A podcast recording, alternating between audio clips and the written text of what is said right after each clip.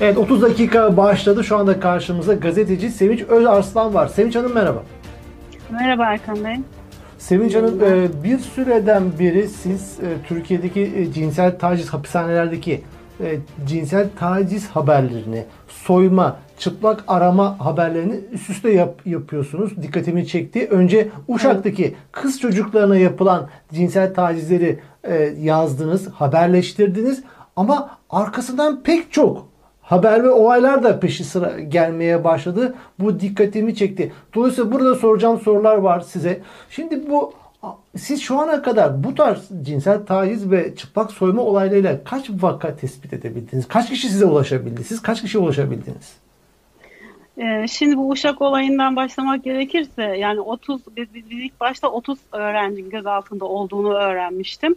Daha sonra işte e, karar açıklandığında 22 öğrenci ve diğerleri işte ev hanımı ya da başka meslekten kadınlardı. E, bu çıplak arama yapıldığını yani zaten biliyordum. Başka insanlara da yapıldı. İlk defa işte e, cemaat mensubu kadınlara yapılmıyor. Dolayısıyla e, öğrenciler e, serbest bırakıldıktan sonra e, birkaç tanesine ulaşmak ulaşmaya çalıştım. Ee, ilk gün hatta görüştük. Ee, çok kötü şeyler yaşadı dedi. Ailesinden biriyle görüştüm. Yani röportajını yayınladığımız e, kızla ilgili bahsediyorum. Yaşadıkları çok korkunç. Birkaç gün dinlensin, kendine gelsin, konuşacağız dediler. Dolayısıyla pazartesi günü Cuma bırakılmıştı çocuklar. E, pazartesi günü e, öğrencilerden biri beni aradı. Biz e, ilk ona sorduğum soru çıplak aramadan geçtiniz mi oldu? Yani ilk bunu sordum çünkü bunun yapıldığını biliyordum. Ee, çocuk da hemen anlatmaya başladı. Bu kız öğrenci 25 yaşında Uşak Üniversitesi'nin son sınıfta okuyan bir öğrenciydi. Evet geçtik ne yapıldı dedim. Ee, yani üst, üst bedenlerinin işte üst badisinin çıkartılmadan iç çamaşırları tamamen kaldırarak iç çamaşırı yani bahsettiğimiz e, südyen ben bunları açıkça söylüyorum hiçbir sakınca yok benim için e, açılarak elle üst bölgelerine dokun, dokunduğunu, bir kadın polisin dokunduğunu söyledi. Sonra altta, altta nasıl yapıldı dedim. Pantolonumuzu çıkardık dedi. Sonra e, çamaşırımızı çıkardık dedi. Ben ilk başta anlamadım, şok oldum. Ne diyor bu çocuk falan oldum. E, çamaşırımızı çıkardık ve e, bize e, eğil kalk yaptırdılar. Üç kere otur kalk, kalk yaptırdılar dedi. Dolayısıyla yani e, bu ben de hani çıplak arama yapıldığını biliyordum ama yani otur kalk küçücük çocuk 25 yaşında yani o çocuklar nasıl bir çıplak arama yani böyle bir çıplak arama olabilir mi diye ben kendim de çok büyük şok yaşadım. Ee, şimdi e, 22 tane öğrenci bu çok önemli şimdi bazıları işte yapılmadı bize falan gibi açıklamalarda bulunmuş o yüzden onu söylemek istiyorum. Şimdi e, bu Manisa merkezli pardon Uşak merkezli 12 ilde yapılan bir operasyondu pazartesi ya çocuklar işte gözaltına alınıp hepsi Uşak'a getirildi. Uşak Kom'a getiriliyor. Ama Uşak Kom'da yer olmadığı için Uşak Asayiş ve Uşak Teme yani o civardaki bütün karakollara bu çocuklar dağıtılıyor. Ben e, çıplak aramadan geçen bu taciz olayını yaşayan iki öğrenciyle konuştum. O iki öğrenci de Uşak Asayiş'te kaldı. Yani Uşak Asayiş'teki çocuklara bu yapıldı. Kom'dakilere yapılmadığını biliyorum. Tem'dekileri bilmiyorum. Oradan hiç kimseye ulaşamadım.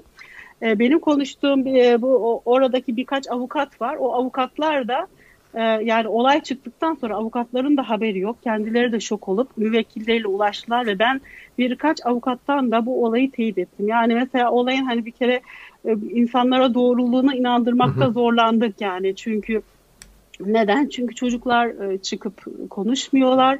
Haklı nedenleri var bana söyledikleri şuydu. Yani işte yaşları çok küçük olduğu için Sevinç abla diye hitap ettiler. Biz ancak bunu sana anlatabiliriz. Bir, ben başka kimseye daha anlatmak istemiyorum. Bu benim için çok zor. Aynı şeyleri yaşamak istemiyorum diyor çocuk. Ve buna hak veriyorsunuz. Yani nasıl hak vermeyeceksiniz? Tabii.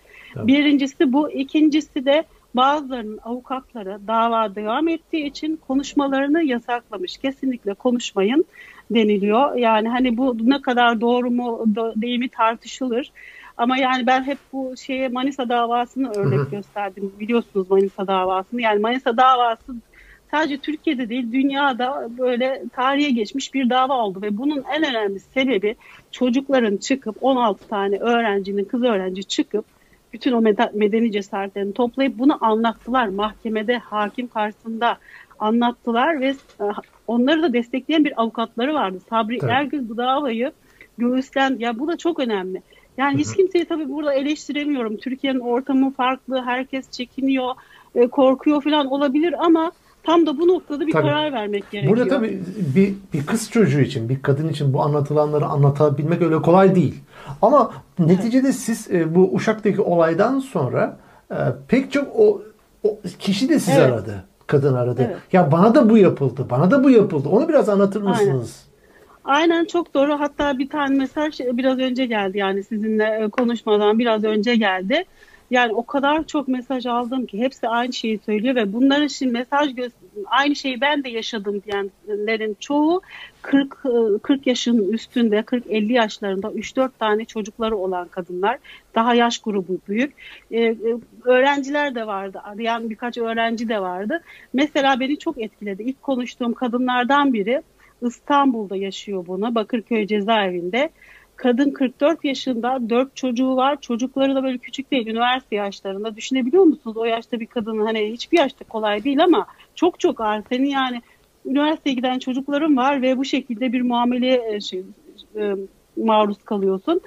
Ondan sonra kadın dedi ki beni dedi Bakırköy cezaevinin girişinde orada arama yapıyorlar e, çırılçıplak soydular dedi. Ben inanamadım yani tekrar tekrar ettirdim. Şimdi mesela bunları böyle bir kere söylenmiş şeyler değil. 15 kere teyit ettiriyorum. Ne kadar doğru mu? Ne, ne kadar doğru? İnce ayrıntısına vakıf olmak için. Kadın evet dedi tamamen. Yani üzerimde hiçbir şey kalmadan ve beni dedi iki gardiyan aradı, aradı dedi. Bu 2018 yılında Bakırköy e, kapalı kadın kapalı cezaevinin girişinde karavanlar vardı dedi. Bilir misiniz bilmiyorum diye bana da tarif ediyor. Bunu orada yaşıyor. İki kadın yapıyorlar. İki kadın gardiyan yapıyor bunu. Birisi diyor beni ben diyor nasıl yapacağımı bilemiyorum diyor. Yani tarif ediyorlar ama ben anlamadım diyor. Böyle bir şey değildir diyor. Ben anlamadıkça diyor beni bir tanesi azarlıyor tarif ediyor. Bir yandan da öteki de diyor gülüyor diyor. Ve sonra o kadın beni çok bu e, e, beni çok etkileyen ve üzen şey şuydu. Kadın tutuklanıp cezaevine gidiyor ve 6 ay kadar e, bu olayı tabii ne kendisini itiraf ediliyor, yüzleşebiliyor ne de orada konuşabiliyor. 6 ay sonra e, koğuşa bir genç kız geliyor. O kıza diğer koğuş arkadaşları takılıyorlar. Sana da otur kalk yaptırdılar mı diye. Kadın o zaman diyor ben diyor bunun anlatılabilir bir şey olduğunu, o kadar da hani e, utanmamam gerektiğini o zaman farkına vardım diyor. O aynı kadın bu kadın uzun uzun anlatıyorum çünkü söyledikleri gerçekten çok değerli. Aynı kadın 8 e, gün e, ya da 7 gün tam hatırlamıyorum şimdi İstanbul Tem'de Tem Batan'da göz altında kalıyor. Göz altında kaldığı sürede kriz geçirmiş ifade sırasında. Yani ve doktora götürmeye götürmüşler. Sonra ilk etapta götürmüyorlar. Şeker vereyim falan ben şeker vereyim düzelirsin falan diyor bir, e, bir tane polis. O sırada diyor ben diyor canımla cebelleşirken diyor Kürt bir kız vardı diyor. Genç bir kız. E, Kürt soruşturmaları kapsamında alınmış bir kız. O diyor böyle duvarlara diyor vurdu diyor böyle bu kadın kalp krizi geçiriyor ölürse bundan onun başına geleceklerden siz sorumlusunuz diye benim yerime benim hakkımı diyor o kız savundu diyor. Kadın bunu anlatırken aslında biraz da mahcup olarak anlatıyor. Yani biz diyor hiç yaşamadık ki diyor ne yapacağımızı bilmiyoruz. Çekiniyoruz nasıl davranacağımızı bilmiyoruz. Evet ben bunlara hak veriyorum ama yani bunları da bir şekilde e, kırmamız gerekiyor. Yani şunu söylemek istiyorum Erkan Bey'e hani bana hep uzun zamandır ben bu mağduriyet haberlerini yapıyorum biliyorsunuz. Bütün hem tanıdıklarım hem de işte sosyal medyadan ulaşıp bana söylenen şöyle bir şey var. Sen bu kadar mağduriyet haberlerine nasıl dayanıyorsun? Herkesi dinliyorsun. Psikolojin bozulmuyor mu? Bana söyledikleri tek şey bu. Ben tabii ki insanlar orada ateş içerisinde yanarken bu cümleleri çok lüks buluyorum. E, yani bazıları eleştirebilir bunu. Bencil bencilce buluyorum. Bir de eğer şu anda yani cemaat mensuplarına çok ciddi bir e, şey yapılıyor yani kötülük yapılıyor. Bütün bu olanları eğer sen de bu bu cemaati mensubuysan bilmek zorundasın. Yani bundan mücadele etmek için bilmen gerekiyor. Yani dolayısıyla böyle açıklamalar yapıyordum. E, beni motive eden şeyler var. Motive eden konulardan biri buydu yani. Bu ama 15 gündür inanın psikolojik olarak çok çökmüş durumdayım. Yani öğrencilerle, kız öğrencilerle e, özel televizyonlar, e, uluslararası televizyonlar var içerisinde. e, milletvekilleri, kaç milletvekili bana mesaj yazdı, gönderdi. Ondan sonra insan hakları dernekleri, çok önemli dernekler var bunların arasında. Yazdıkları raporlar önemli. Onlar hepsi kız öğrencilerine ulaşmak, konuşmak istediler. Haklılar yani onlar da bir şey yapacaklar ve tabii ki muhatabıyla konuşmak istiyor. Benimle değil. Dolayısıyla çocuklara bunu kabul ettiremedim. Çok da ısrar ede- edemedim. Haklı yönleri de olduğu için. Hı hı. Ya ama onlara yani onların sesini duyurmak, bu yapılanı göstermek noktasındaki çaresizlik inanın beni çok çökertti yani. Evet. İnan hiç kendimi toparlamış evet. değilim. Çok moralim bozuk yani bu konuda. Ee, Gel, bilmiyorum ne yapılması da, gerekiyor. Bu konu üzerine evet. çok ısrarla gidiyor e, milletvekili e, Ömer Faruk Gergerlioğlu evet. da onun açıklaması vardı. Yani daha önce e, Kürt kadınlara ve solcu kadınlara bunlar yapılıyordu. Şimdi cemaat kadınlarına da bunlar yapılıyor. Evet. Bunun adı işkence.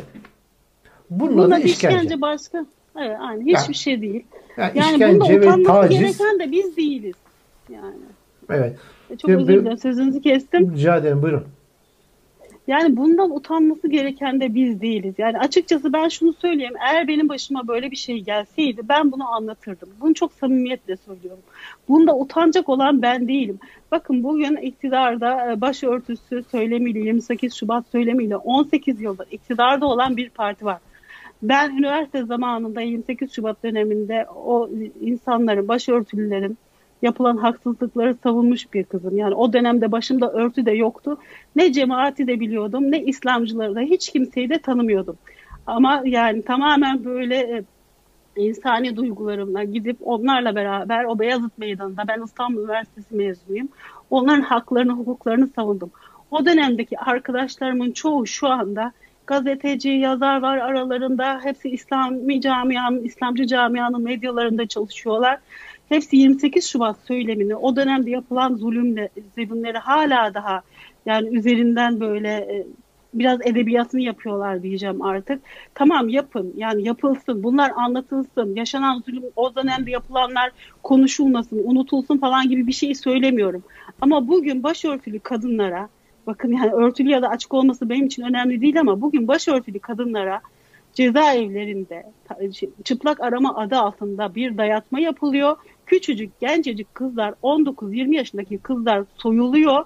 Yani otur kalk yaptırılıyor. Yani buna buna hepsinin ses çıkartması lazım. Hiçbiri ses çıkartmıyor. Çıkarmıyor. Bir tane daha örnek yani konuştuğum kadınlardan bir örneği de anlatmam lazım. Bu çok çok önemli. Bu çok beni şaşırtmıştı. Yani yine bu işte e, Uşak olayından sonra kendisi ulaştı kadın. E, kadın yani Ankara'da eşi önemli görevler görevde bir olan bir kadın. Yani bunun yazılmasını söylenmesini istemediği için ben de şu an zikredemiyorum. Eşi de hapiste, kendisi de bir süre hapis yatmış. Aydın'da gözaltına alınıyor. Kendisi, eşi ve oğlu. Kendisinin tutulduğu karakolda yine çıplak arama yapılıyorlar. Aynı şu şekilde anlattı. Pantolonumu indirdim, alt iç çamaşırımı çıkardım ve beni kurbağa gibi üç kere zıplattılar dedi. Bu ne demek Erkan Bey? Kurbağa gibi üç kere zıplatmak ne demek? Şimdi şunu da söylemek lazım. E, aslında bu uygulama uyuşturucu uyuşturucu bağımlılarına yapılıyor. Yani o konularda tutuklananlara yapılıyor. E, ya da işte bunun ticaretini yapanlarda. Siz de hatırlarsınız işte rahim bölgesinde uyuşturucu sakladı diye haberler çıkardı. Yani bu, mesela, onun için uygulama yapılıyor. Ama şimdi bu kadınların tamamen siyasi soruşturmalar işte terör adı altında yapılan soruşturmalarda aldıkları kadınlara yapılmasının sebebi aşağılamak, rencide etmek, işte o onu böyle işte o terörist, terörist kalıbın içerisine sokup e, tamamen moralini ve psikolojisini çökertmek. Tamamen amacı bu. Psikolojik işkenceyle beraber fiziksel işkence tabii ki. Yani bir kadını evet. üç kere zıplatmanın adı fiziksel işkenceden başka hiçbir şey değil yani. Evet. İşkencedir ve bunun zaman aşımı yoktur. E, bu haberler şu açıdan da önemlidir. Hepsi kayıt altındadır. Bunun hesabı oradaki gardiyanından, hapishane müdürlüğünden, polis şefine, onu emrini veren İçişleri Bakanı'na kadar, reisine kadar gün gelir hesabı sorulur. İşkencenin de zaman aşımı yoktur. Burada herkes bunu böyle bile diyerek Türkiye'deki bunun sorunları bizi dinliyorsa yarın sizi kurtaracak adamı da bulamazsınız. Bunu çünkü bu ciddi bir utançtır. Sizin adınıza utançtır diyelim onlara. Bu yaptıkları, bu masum insanlara yapmış oldukları. Bu, ama bu dediğiniz gibi yayının başında dediğiniz gibi bu maalesef bu devletin geleneği. Yani ilk defa yapmıyor. Daha önce Evet. Kürt kadınlar da, solcu kadınlar da bunu yapıyor. Şimdi cemaat gönüllüsü kadınlar da bunu yapıyor. Bu devletin geleneği bu. Ama yapmış olduğunuz haberler çok değerli. Bunun bütün dünyaya Sağ olun. duyurulması açısından önemli. Eksik Umarım olmayın. son olsun diyelim ama maalesef Türkiye'de böyle bir gelenek var. Ama buradan da şöyle bir endişe de e, içime kapılıyor. Yani mağdurları bu yayınlar üzerinden korkutmak. Aslında iktidarın yapmak istediği muhalefeti korkutmak. Bu haberler üzerinden de korkutmaya aracı olmak da istemiyorum. Bu da var. Ama burada olması gereken dik durmak ve bunu e, işkence yapanların hesabının mutlaka sorulacağının hesabını da beraberinde söylemek oldukça önemli diye Evet. düşünüyorum. Evet. Sevinç Hanım olarak- var mı? Hı. Son olarak şunu söyleyebilirim. Yani tabii ki e, korkutmak için yapabilir ama ne olursa olsun bu korkuyla, dayatılan korkuyla mücadele edilmesi gerekiyor. Ne olursa olsun. Yani hani siz yurt dışındasınız, konuşuyorlar, konu- rahat konuşuyorsunuz diyenlere de mesajım bu. Ne olursa olsun bununla mücadele etmek zorunda, zorundayız. Hep beraber, herkes. Son olarak şunu söyleyebilirim. Biliyorsunuz e, Yüksel Caddesi'nde e, işimi geri istiyorum eylemleri yapan insanlar yaklaşık bir aydır e, cezaevindeler. Sincan cezaevinde. Onlar arasında işte Acun Karadağ e, var. E, Acun Karadağ var. Alev Şahin var. Na- Nazan Bozkurt var. A- Alev Şahin e, Ömer Faruk Gergerlioğlu'na bir mektup yazdı. Gergerlioğlu onu yayınladı. Mektubunda gözaltına alındıklarında yaşadığı tacizleri anlatıyor.